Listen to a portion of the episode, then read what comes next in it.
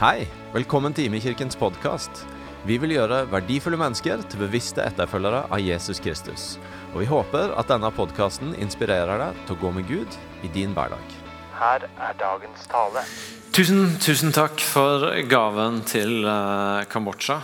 Det betyr en stor forskjell. Og god søndagskveld. Utrolig fint å se dere. Vi er noen uker inne nå, men jeg er fortsatt eh, litt høy på å få være sammen med dere igjen. Etter eh, at det ikke var normalen. Eh, så fantastisk fint å få feire gudstjeneste med dere. Hvis du er ny eller på besøk her, så heter jeg Glelling. Jeg er en av pastorteamet her i menigheten og skal undervise litt i kveld. Eh, før jeg går i gang med det, så har jeg lyst til å bare nevne at eh, Kåre har eh, bokbutikken åpen når vi er i kafeen der ute etterpå. Der er det kommet inn en helt fersk bok som heter eh, 'Et velsignet liv' av Robert Morris. Det er en av de mer inspirerende bøkene jeg har lest om det med å leve raust med det en eier, og det å få bruke de ressursene en har til å bety en forskjell for andre. Lettlest, eh, masse inspirerende historier og gir tro på å leve en raus livsstil. Så nå er den endelig kommet på norsk, og eh, den er rykende fersk der ute. Jeg anbefaler den gjerne.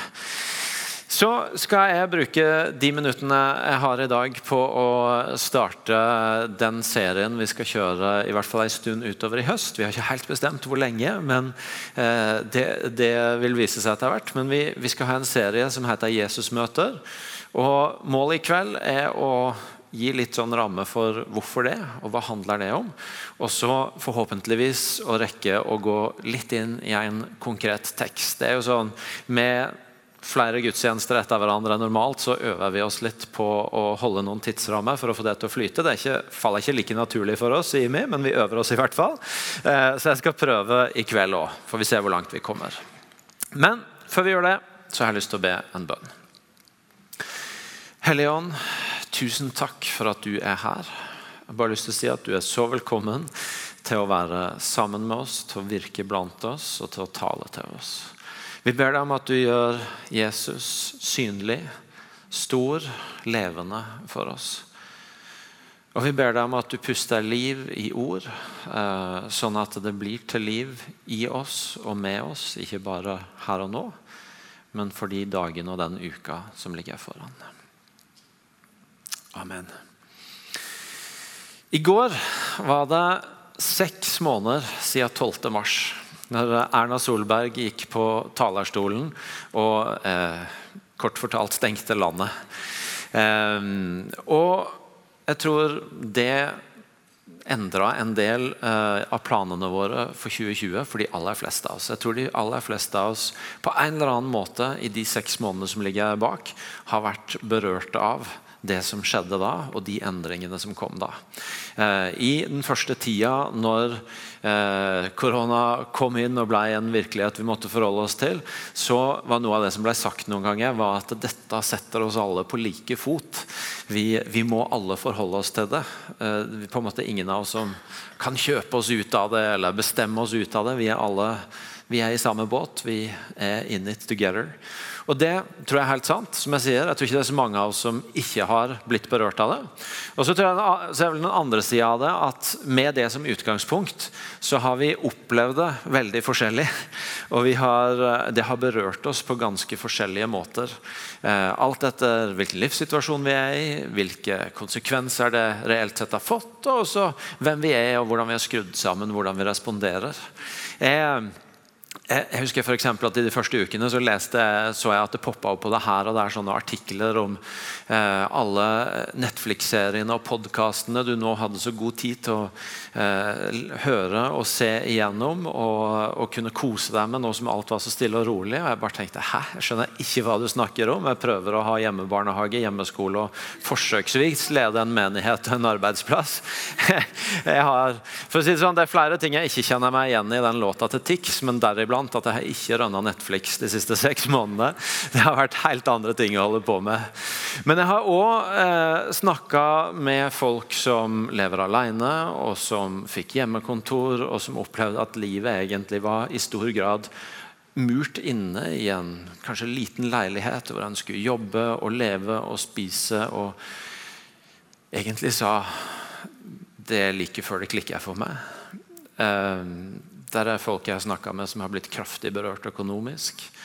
Eh, og der er et stort spenn av hvordan vi på ulike måter har opplevd Jeg har noen rundt meg som syns det var en fryktelig kjedelig periode, som bare lurte på når skal jeg få gå i gang igjen med ting. Jeg har andre som syns det har vært en fryktelig slitsom periode, som har kosta masse krefter å stå i. I min familie så er en av konsekvensene at min, min far, som er på aldershjem, i en periode så kunne ingen besøke han. og eh, Etter hvert så kunne vi kanskje få besøke han litt, men Se for deg det. Har vært gift i 60 år. Og når du kanskje får en time sammen tre ganger i uka mens en sykepleier skal sitte og følge med på dere. Det har vært min mors virkelighet. Eh, masse forskjellige konsekvenser av hvordan vi har opplevd det, hvordan det har berørt oss. Eh, og truffet livet våre. På den ene sida ingen av oss har gått klar. Alle har måttet forholde seg til det. På den andre sida ganske stort spenn. Og så er det sånn at Vi som menighet vi, eh, vi er glad i å ha folk som besøker huset vårt, og som legger ting inn i menigheten vår som har betydning, som vi tar med oss videre, og som vi kan hente fram i ulike sammenhenger. Og En av de, en av de, de budskapene, om du vil, fokusene, forkynnelsen, som, som, vi har hatt med oss gjennom noen år, det er en undervisning som en som heter Mike Breen har hatt for oss ved flere anledninger, senest på Åpen himmel for noen år siden. Og hvis er, Noen av dere var der og husker det, noen av dere har kommet til senere eller var ikke der. Det er helt ok. Jeg skal bare gi deg en sånn kort, kort uh, oppsummering av hva det handler om. Men han, han snakker om hva um, jordskjelv eller rystelser gjør med oss. Og Utgangspunktet er Hebreerne 12, vers 26-28, hvor der står Jeg tror også vi får det på skjermen her. Den gangen fikk hans røst jorden til å skjelve, men nå har han lova. Enda en gang vil jeg riste, ikke bare jorda, men også himmelen. Her står det 'enda en gang'. Dette viser at det som kan rokkes fordi det hører til det skapte, skal skiftes ut, for at det som ikke kan rokkes, skal bestå. Derfor, siden vi får et urokkelig rike, så la oss være takknemlige og med takk gjøre vår tjeneste i Guds frykt og ærefrykt, til glede for Gud. Essensen her er at det er en del ting i vår virkelighet som når ting rystes, så står det ikke. Det er en del ting som vi gjerne kan oppleve når, når, på en måte livet bare går sin gang. At det, det, er trygt, at det står støtt, at det er ting vi kan regne med, ting vi kan, kan ta for gitt. Men idet det rystes, så står det faktisk ikke allikevel. Og så er det noen andre ting som står fast uansett. Og så har Mike tatt dette bildet med jordskjelvet som en illustrasjon. Og så snakker han om hvordan når, når et jordskjelv rammer, så endres terrenget. Det rystes, og terrenget endres. Og Det betyr at de gamle karta de stemmer ikke lenger. Fordi, fordi terrenget er blitt endra. Du kan ikke bare ta et gammelt kart og orientere deg. Men det som ikke har endra seg, det er himmelretningene. Så når du må legge kartet til side, for det stemmer ikke lenger, så kan du fortsatt bruke kompasset, som forteller deg retningen å orientere deg etter. Og så har han brukt det som et bilde på å si at når vi som etterfølgere av Jesus opplever at vår virkelighet rystes, enten det har med livet generelt, samfunnet rundt oss, eller det har med Jesuslivet, med menigheten, med hvordan kirkas situasjon er, så vil vi oppleve noen ganger at virkeligheten vår rystes på en sånn måte at de gamle karta våre for hvordan ting er, de, de stemmer ikke lenger. Vi kan ikke operere etter de gamle oppskriftene. Men da trenger vi å holde fast i det som for oss er kompasset. Det som står fast, det som ikke endrer seg. Og for oss så er det Jesus. Han som Bibelen sier at er den samme i går og i dag og til evig tid. Vi har vært igjennom en tid hvor vi har opplevd at det er mange ting som vi trodde vi kunne ta for gitt, som ikke var så selvsagt allikevel, som vi ikke hadde så mye kontroll over som vi trodde. Og Noen av de gamle karta funker ikke lenger. Men desto viktigere er det å holde fast på de tingene som vi vet at de står fast. De endrer seg ikke, de er urokkelige. Kompasset vårt, som for oss som etterfølgere av Jesus, er Jesus sjøl.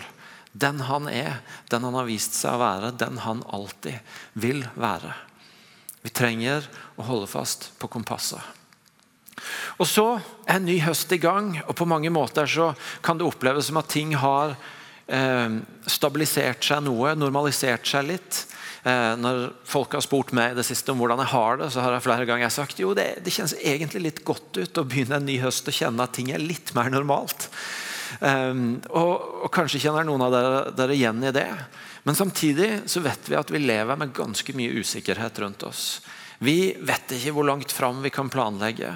Vi så denne uka at Bergen plutselig var tilbake i en ganske annen virkelighet. Statsminister Erna sa tidligere i uka at vi står og vipper eh, i forhold til hva som er situasjonen vår framover. Vi har hørt om bedrifter her i regionen som på en måte sitter og venter og vurderer kan, om, om en må gjøre ting, om en må gjøre grep. Der er, der er, jobb og andre ting som er i spill. Der er ganske mye, for det Om ting kan føles litt mer normalt, så er det ganske mye som er usikkert. Og og Vi vet ikke helt hvordan ser det ut om én måned, om tre måneder, om seks måneder, om ett år. Vi kan, vi kan, le, vi kan lese så mange artikler vi vil og få desto flere svar på, på hva folk tenker de ser. og Noen er selvfølgelig mer kvalifiserte eh, synspunkter enn andre, men i bunn og grunn ingen av oss vet helt hvilket landskap som ligger foran oss. Og så er spørsmålet for oss som menighet når vi skal tenke ok, hva skal vi fokusere på i høst. Hva skal vi snakke om? Hva skal vi, hva skal vi ta hverandre inn i? Ja, Så kunne vi jo på en måte tenke at ok, nå må, vi, nå må vi snakke inn akkurat i den tida vi er i nå, og prøve å gi hverandre hjelp til hvilke valg skal vi ta, og hvordan skal vi håndtere dette. Og, og være veldig praktiske og konkrete. Men så har vi egentlig ikke lyst til å ta sjansen på å gi hverandre et kart som ikke helt stemmer med terrenget og forsøke å skrive ut et eller annet som vi vet ikke helt. Vi har ikke helt oversikt. Og Så kunne vi selvfølgelig gå andre vei og si at vi får bare ikke forholde oss til å snakke om de greiene der, fordi vi, vi vet jo ikke helt. Og så får vi heller kjøre på med noen andre tema som vi i hvert fall vet at er evige sannheter. Men så er det vi har lyst til å gjøre, det er å dra hverandre inn til å gi et fokus på kompasset. Vi kan ikke skrive ut kartet, for det vet vi ikke helt. Men dra hverandre inn på et fokus på kompasset, på Jesus. Og holde hverandre fast i en tillit til at om det er mange ting vi ikke vet, eller som det er usikkerhet rundt, så tror vi fullt og fast at i Han så fins alle svar vi trenger å få. I, hans, I Han så fins alt det vi trenger for å møte dagene våre. I Han så fins den freden som vi trenger for å leve i de, den usikkerheten vi kjenner. Og la meg bare si, Det kan godt hende at du sitter her og tenker det er ikke korona som er min store utfordring eller usikkerhet. Det er helt andre ting som var der før, og som fortsatt er der, og som jeg ikke vet om kommer til å forbli. Og Det er helt ok. Uansett så er poenget vi har lyst til å dra hverandre inn mot den kjernen i at om vi ikke har alle svar, så har vi en som vi kan styre etter. Som kan lede oss, som kan tale inn i livet vårt, og som kan gi oss det vi trenger for å gå gjennom den tida vi er i akkurat nå. Han er kompasset vårt, han heter Jesus, og vi har lyst til å dra fokuset inn mot han i denne tida. Og Derfor så har vi tenkt at vi ikke bare skal snakke om Jesus på søndagene, men at vi har lyst til å la søndagene være et utgangspunkt for en invitasjon til oss alle til å bruke tid på å sette et blikk på Jesus i dagene imellom søndagene. Og Da snakker vi om det som gjerne kalles for Jesus-meditasjon. Og Da kan det godt hende at alt etter hvem du er og hvilket utgangspunkt du har, så kan det godt hende at noen av dere tenker meditasjon. Da logger jeg av. Eh, da tenker du på sittestillinger eller teknikker eller en personlighetstype som, som, som passer til sånne ting. Eh, og det er ikke helt med. Og Da håper jeg, vær så snill å bare bli med meg i noen minutter og hør hva jeg snakker om, så kan det hende at du ikke trenger å logge deg ut allikevel. Der er to setninger som ofte kommer opp når eh, en snakker om disse tingene her i kristne sammenhenger. Eh, og Det ene er at hvis du kan bekymre deg, så kan du meditere. Og Det andre er at eh, kristen meditasjon, gjerne i motsetning til annen type former for meditasjon, handler ikke primært så mye om å tømme seg for ting som å fylle seg med noe. Og gi fokus til noe. Og det er alltid sånn med sånne setninger at De kan høres litt enkle ut, men så er det gjerne også ofte en ganske god sannhet i dem, siden de setter seg. Og For å ta den første først. Det kan høres litt sånn cheesy ut hvis du kan, kan bekymre deg, så kan du meditere. Men det er jo veldig mye sannhet i det. Og det tar oss inn i det at dette handler jo først og fremst om et fokus. Om hva som får fylle sinnet vårt, tankene våre, fokuset vårt, og med det prege oss. Jeg snakka om det for noen uker tilbake om et litt annet perspektiv av hjertet. at Som kristne så tror vi at vi lever fra innsida ut. Vi tror at det som fyller oss på innsida, og som får fange sinnet vårt og prege sjelen vår og forme ordene våre, det setter i neste omgang preg på hva som kommer ut, og hva som får sette retning og preg på dagene våre. Paulus han, Jeg leste eh, nettopp eh, noe Paulus skriver, som bare illustrerer det. Han skriver at i 2. Korinterbrev 10, vers 4 og 5 Våre våpen er ikke fra mennesker, men har sin kraft fra Gud og kan legge festninger i grus. Vi river ned tankebygninger og alt stort og stolt som reiser seg mot kunnskapen om Gud. Vi tar hver tanke til fange under lydigheten mot Kristus. Vers som bare illustrerer igjen det at eh, noe av kampen for oss om livet vårt, om fokuset vårt, om retninga vår, det skjer ikke bare der ute i det som er de konkrete hendelsene, men det skjer på innsida, i sinnet vårt, i sjelen vår, i, det som, i hjertet vårt, i det som får fylle oss. Og så sier det, når det står i siste setninga, vi tar hver tanke til fange under lydigheten i Kristus, at vi kan ta noen valg på hva som skal få forme sinnet vårt, hva som skal få prege fokuset vårt, og i neste omgang få sette en innflytelse på det som kommer ut. Og Da handler dette her eh, med Jesus-meditasjon nettopp om å gi, la Jesus være fokuset. Om å sette et fokus, om å sette et blikk på han. Og la han få fylle tanken vår, sinnet vårt, på en sånn måte at det begynner å forme og prege oss, og i neste omgang det som kommer ut. Og så er det dette her med at kristen meditasjon gjerne ikke, eller ikke bare handler om det en skal tømme ut, men det en setter fokus på og tar inn.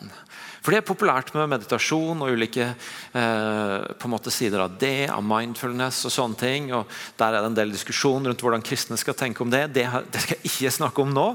Men generelt så, så, så, er det gjerne noe med det at det kan handle mye om, om å på en måte tømme seg for ting.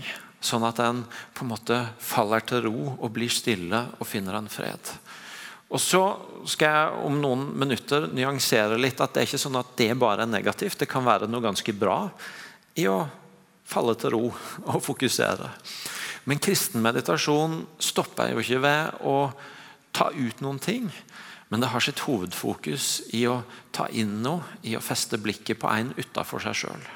Ikke i å finne et senter inni seg sjøl, men i å finne en ro i å feste et blikk på en som bor inni oss, men som også har en virkelighet langt utover oss. Og En pastor jeg er veldig glad i, som heter Bill Johnson, jeg hørte en tale han for et par uker siden, hvor han sa sa følgende. Han sa at eh, vi kan se til guruer og ledere i sånne mystiske retninger og religioner som blir symboler på fred i måten de framstår på. Men problemet er at de har bare fred så lenge de kan kontrollere omstendighetene sine.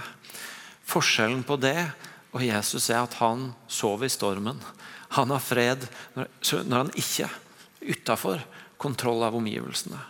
Og vår mulighet ved å finne fred ikke i oss sjøl, men i å feste blikket på Han, er at det finnes en fred som ikke er avhengig av hvilken kontroll vi klarer å skape på vår virkelighet, men det har sin fred i Han og hvem Han er, og hvordan Han møtte omgivelsene. Så det har med fokus å gjøre. Det har med hva vi fester blikket på, det har med hvem vi fyller oss med. Og så er Noe av fundamentet for Jesus' meditasjon det er en sånn grunnleggende tro på at han er ikke langt borte fra oss. Vi kan, vi kan miste blikket på han. Vi kan til og med miste kontakten med oss sjøl noen ganger i alt vi styrer og stresser med. og Derav ligger nyanseringa mi at det trenger ikke være negativt å, å falle til ro i seg sjøl og komme nedpå. Men, men vi, kan, vi, kan, miste blikket både på Jesus og som jeg sier, kontakten med oss sjøl. Men han er ikke langt unna oss. Som Paulus sier det i denne kjente talen sin på Areopagos i Apostlenes gjerninger 1727, så sier han han er jo ikke langt borte fra en eneste en av oss. Han er ikke langt borte, og derfor så, så er det egentlig veldig enkelt å vende blikket sitt tilbake mot Jesus, og så er han der. Og Så går det an å ha et fokus på han, og en kontakt med han og en kommunikasjon med han. Det er ikke sånn at du trenger mange timer med jobb eller bestemte teknikker eller fokus, men han er egentlig veldig nærme. Og det er veldig enkelt å vende blikket mot han og opprette en kontakt med han. Han er jo ikke langt unna en eneste en av oss. Og Derfor så kunne, kan Jesus-meditasjon i sitt aller enkleste trenger egentlig ikke handle om noe annet enn det. Å vende blikket sitt mot han og gi sin oppmerksomhet til han. Og begynne et, både et fokus mot han og en samtale med han. Og i det fylle seg med den han er.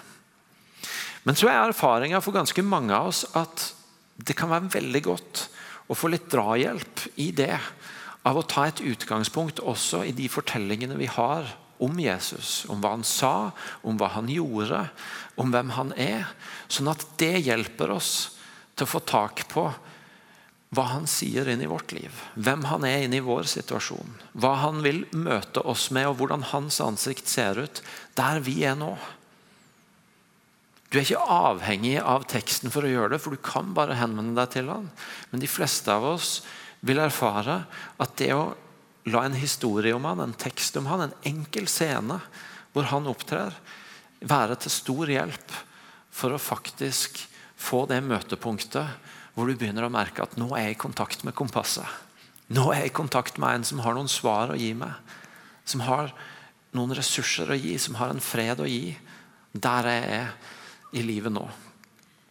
Og da, eh, da er det igjen bare for å på en måte sånn veldig enkelt beskrive hva du kan gjøre da, og det som blir utgangspunktet for oss i de neste ukene, så er det å, å ta en enkel tekst hvor Jesus opptrer. En scene, en episode, et møtepunkt. Vi har kalt det Jesusmøter fordi at tekstene vil handle om, om, om scener eller episoder hvor Jesus møter noen. Og Så kan du lese den teksten, gjerne flere ganger. Gjerne stille og rolig. Og så, eh, og så, kan du på en måte få tak i hva skjer her, hvem er med her, hva er det som sies her. Begynne å få tak i hva, hva, hva er det som foregår her. Og Så kan du med det som utgangspunkt bli stille, falle til ro. Og så begynne å leve deg inn i hva er det egentlig som skjer her. Hva, hva, hva er Leve deg inn i scenen, i møtepunktet. Og så er vi forskjellige i det. Noen av oss er visuelle og har veldig lett for å se det for oss. Andre er mer sånn som hører og har lettere kanskje for å høre ordene som sies, og, og begynne å få et møtepunkt med det. Noen er mer sånn intuitive, som fornemmer stemningene, spenningene, hva som skjer. Og så kunne jeg fortsatt å male ut. Poenget med å gi de eksemplene er ikke å begrense det til de som ser eller hører eller fornemmer, men å gi det ut og si at vi vil oppleve det å komme inn i de møtene på forskjellige måter. Men det handler om å komme rolig inn i teksten, bli stille, og så begynne å fange, leve seg inn i å fange hva er det som skjer her. Og så begynner den overgangen å skje fra at det eh, det er en tekst som henter da, til at det blir et møtepunkt med Jesus nå. Kanskje få et glimt av ansiktet hans. Kanskje høre noen ord som treffer inn i min situasjon. Kanskje fornemme hva et møtepunkt må ha gjort, og hvordan det relaterer til der jeg er. Og så videre. Så ønsket og tanken er at i disse ukene her så vil du hver søndag møte et, sånn, et sånt Jesusmøte. Og så er invitasjonen å ta den teksten med deg inn i uka og skape sånne rolige øyeblikk med Jesus. eller om du vil Jesus-meditasjon sjøl. Gjerne bruke hele uka på bare én tekst, og på å synke dypt inn i den. Og Hvis du blir litt utålmodig av det, så kan du jo gå videre etter noen dager til en annen tekst. Du, du kjenner at ja, her er det noe. Men å sette blikket på kompasset, gi deg tid det handler ikke, Poenget er ikke å lese mest mulig, men det å komme dypere. Uh, og så la det begynne å forme vandringa di i denne tida her. Og Hvis du er sånn som ok, hvis dette er viktig, så vil jeg ha tak i mer, jeg vil forstå mer, jeg vil lære mer, så, så er det en som heter Edin Løvaas, som ikke lever lenger, men som er på en måte en av de som virkelig har gitt dette til mange kirker i Norge. Han har skrevet en del bøker. Noen av de går det an å få tak i fortsatt. Noen av dem kan du finne en del ting hvis du googler det. Og På Nasjonalbiblioteket sine hjemmesider faktisk, så ligger også noen av bøkene hans åpent. Så det er mulighet å sjekke ut mer rundt Edin hvis du har lyst til å få tak i mer om dette enn det vi rekker å si. Så Det er invitasjonen. Og så har jeg noen få minutter igjen hvor jeg hadde lyst til å ta dere med inn i én tekst som jeg har levd i på den måten jeg nå har beskrevet i denne uka. Og da, bare som en intro til det, Hvis, hvis du syns det skulle være vanskelig å koble på det jeg sier nå, så kan jeg si jeg, jeg og min yngste datter Alma vi hadde formiddagen, morgenen og formiddagen alene hjemme i dag. Og... Da ville Alma at vi skulle leke familie, så da var jeg far og hun mor. Og der var også en baby involvert.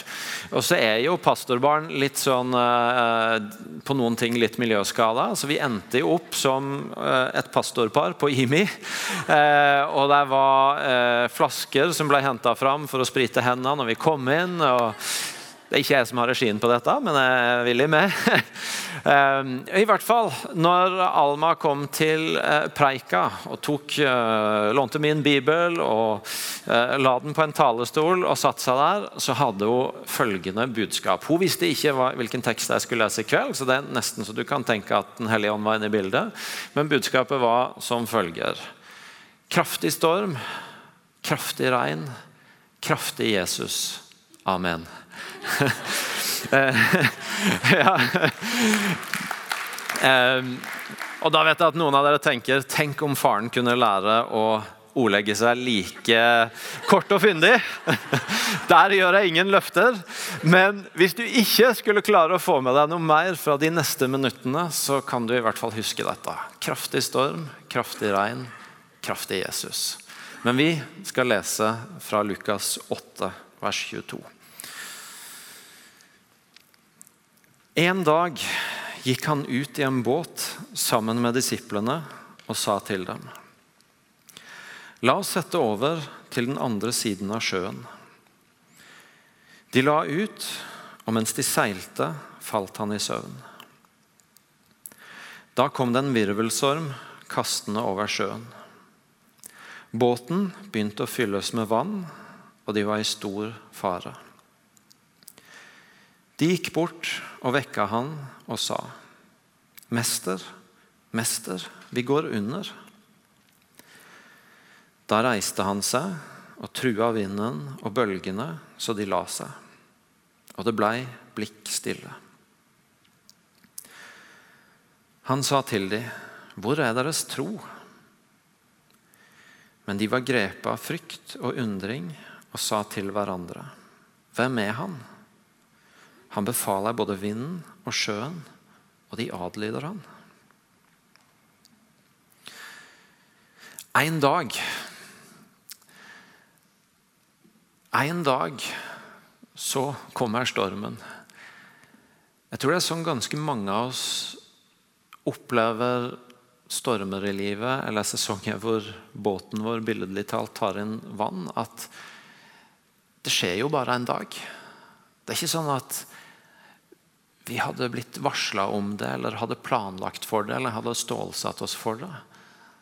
Akkurat som dette var en dag. De skulle gjøre noe som ikke var så uvanlig. De visste at det kunne blåse på Genesaretsjøen. Men en dag som de ikke hadde venta noe, så er de plutselig en krise. En dag havna jeg i en konflikt.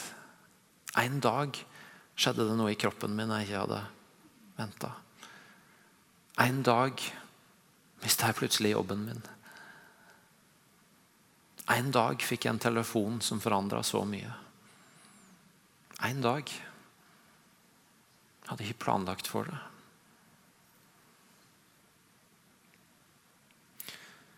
Båten begynte å fylles med vann, og de var i stor fare. De var i stor fare. For meg som kan hele fortellinga og hele Ikke bare denne fortellinga, men hele fortellinga. Så det er utrolig lett å tenke at en vet jo at det går bra. Så det var jo ikke egentlig et problem, det var bare disiplene som var så utrolig nervøse. De var i stor fare. Det kan være fristende eller en utfordring for oss tror jeg, noen ganger å tenke at vi må late som at ting som er et problem, ikke helt er det. Enten fordi vi skal være positive, eller vi skal ikke tape ansikt, eller vi skal være trosfylte. Men det er litt befriende at det faktisk ikke står her 'de var redde', men det står 'de var i stor fare'. Det er fint å anerkjenne at noe er et problem. Det er fint å anerkjenne at noe er vanskelig.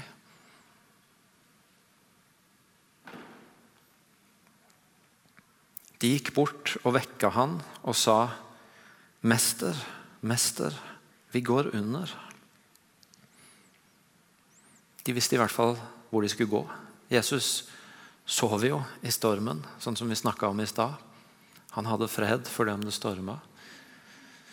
Men de visste hvor de skulle gå. Og så er det dette her Mester, mester, vi går under. De prøver ikke å foreskrive hva Jesus burde gjøre. De bare sier det som det er. Vi går under. Og så overlater de svaret til Jesus. Eller oppskriften til Jesus. Ikke behov for så mange ordfylte bønner. Men bare en mester. Mester, vi går under. Da reiste han seg og trua vinden og bølgene så de la seg, og det blei blikk stille. Jesus tar ikke bare og finner en eller annen vei å deale med noen av symptomene på. Han går til kilden av problemet. Han truer det som skaper selve problemet. Og tar det ved rota. Jesus er ikke så opptatt med å finne en måte å bare håndtere det på. Men han tar det bort. Han går til kjernen, han går til kilden.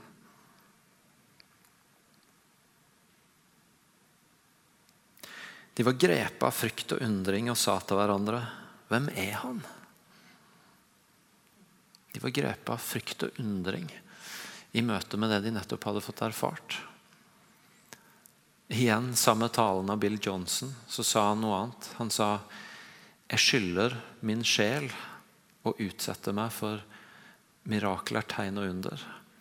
For noe av det som er mest, et av de tydeligste kjennetegnene på et liv utafor en Guds rike virkelighet, er mangelen på det han bruker det engelske ordet og om du vil ærefrykt eller beundring. En tilstand hvor selvfølgelighet, likegyldighet, kanskje også kynisme, blir noe av tilstanden.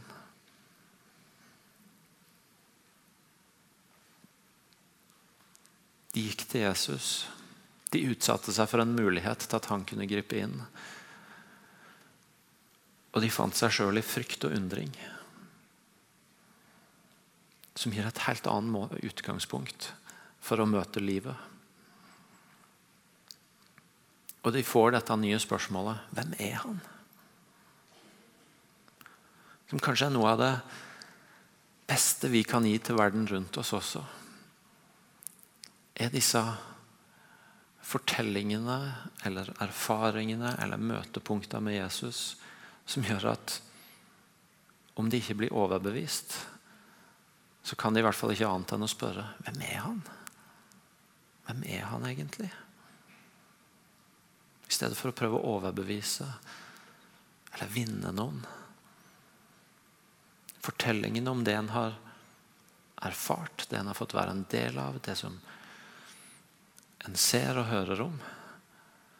Som skaper frykt og undring i en sjøl, og som kanskje får noen andre til å spørre hvem er han?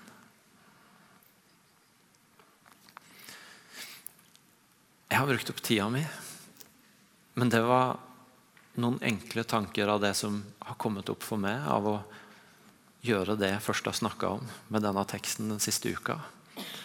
Nå er det deres tur, og jeg håper dere vil være med på det i uka som kommer. Ehm, jeg har lyst til å slutte med en bønn som også gjerne følger Jesus-meditasjonen, og som jeg vil invitere deg til å bruke enten du mediterer over en tekst, sånn som nå, eller du bare vil ta et lite øyeblikk med Jesus og vende blikket mot han. Så reis deg opp. Jeg mente det på alvor, ja. Reis dere opp. Og så ber jeg ei og ei setning. Så vil jeg gjerne at dere gjentar etter meg.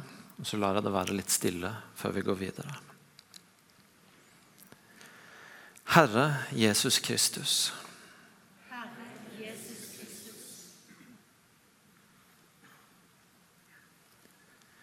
Du står her foran meg.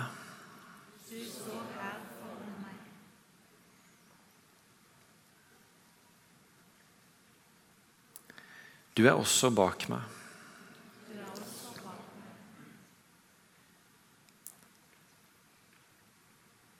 Du er på min høyre side.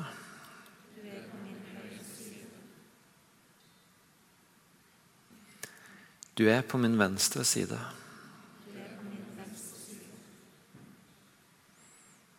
Du er over meg. Du er under meg.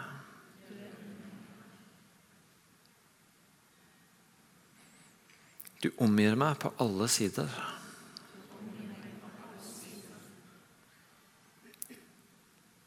Du bor i mitt hjerte.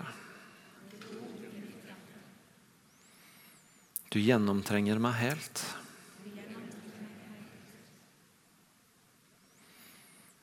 Og du elsker meg, Herre Jesus.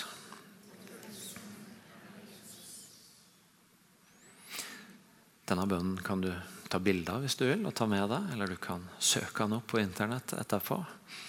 Så er du invitert til å bruke den i uka som kommer. Nå er det sånn at teamet vil lede oss i en sang. og Samtidig så vil forbederne gjøre seg tilgjengelig på den sida. Hjertelig velkommen til å søke forbønn om du kommer hit med en sykdom eller smerte. Vi har allerede hørt konkrete vitnesbyrd om en Gud som griper inn. Eller du kommer hit med en annen situasjon i livet ditt som du ønsker at noen ber for. Så åpner kafeen der ute og bokutsalget. Um, og så er du velkommen tilbake til gudstjeneste igjen neste søndag. Men vær gjerne igjen å tilbe, vær gjerne igjen å søke forbønn. Og så la oss sammen ta imot Herrens velsignelse. Herren velsigne deg og bevare deg. Herren la sitt ansikt lyse over deg og være deg nådig. Herren løfte sitt åsyn på deg og gi deg fred. Amen.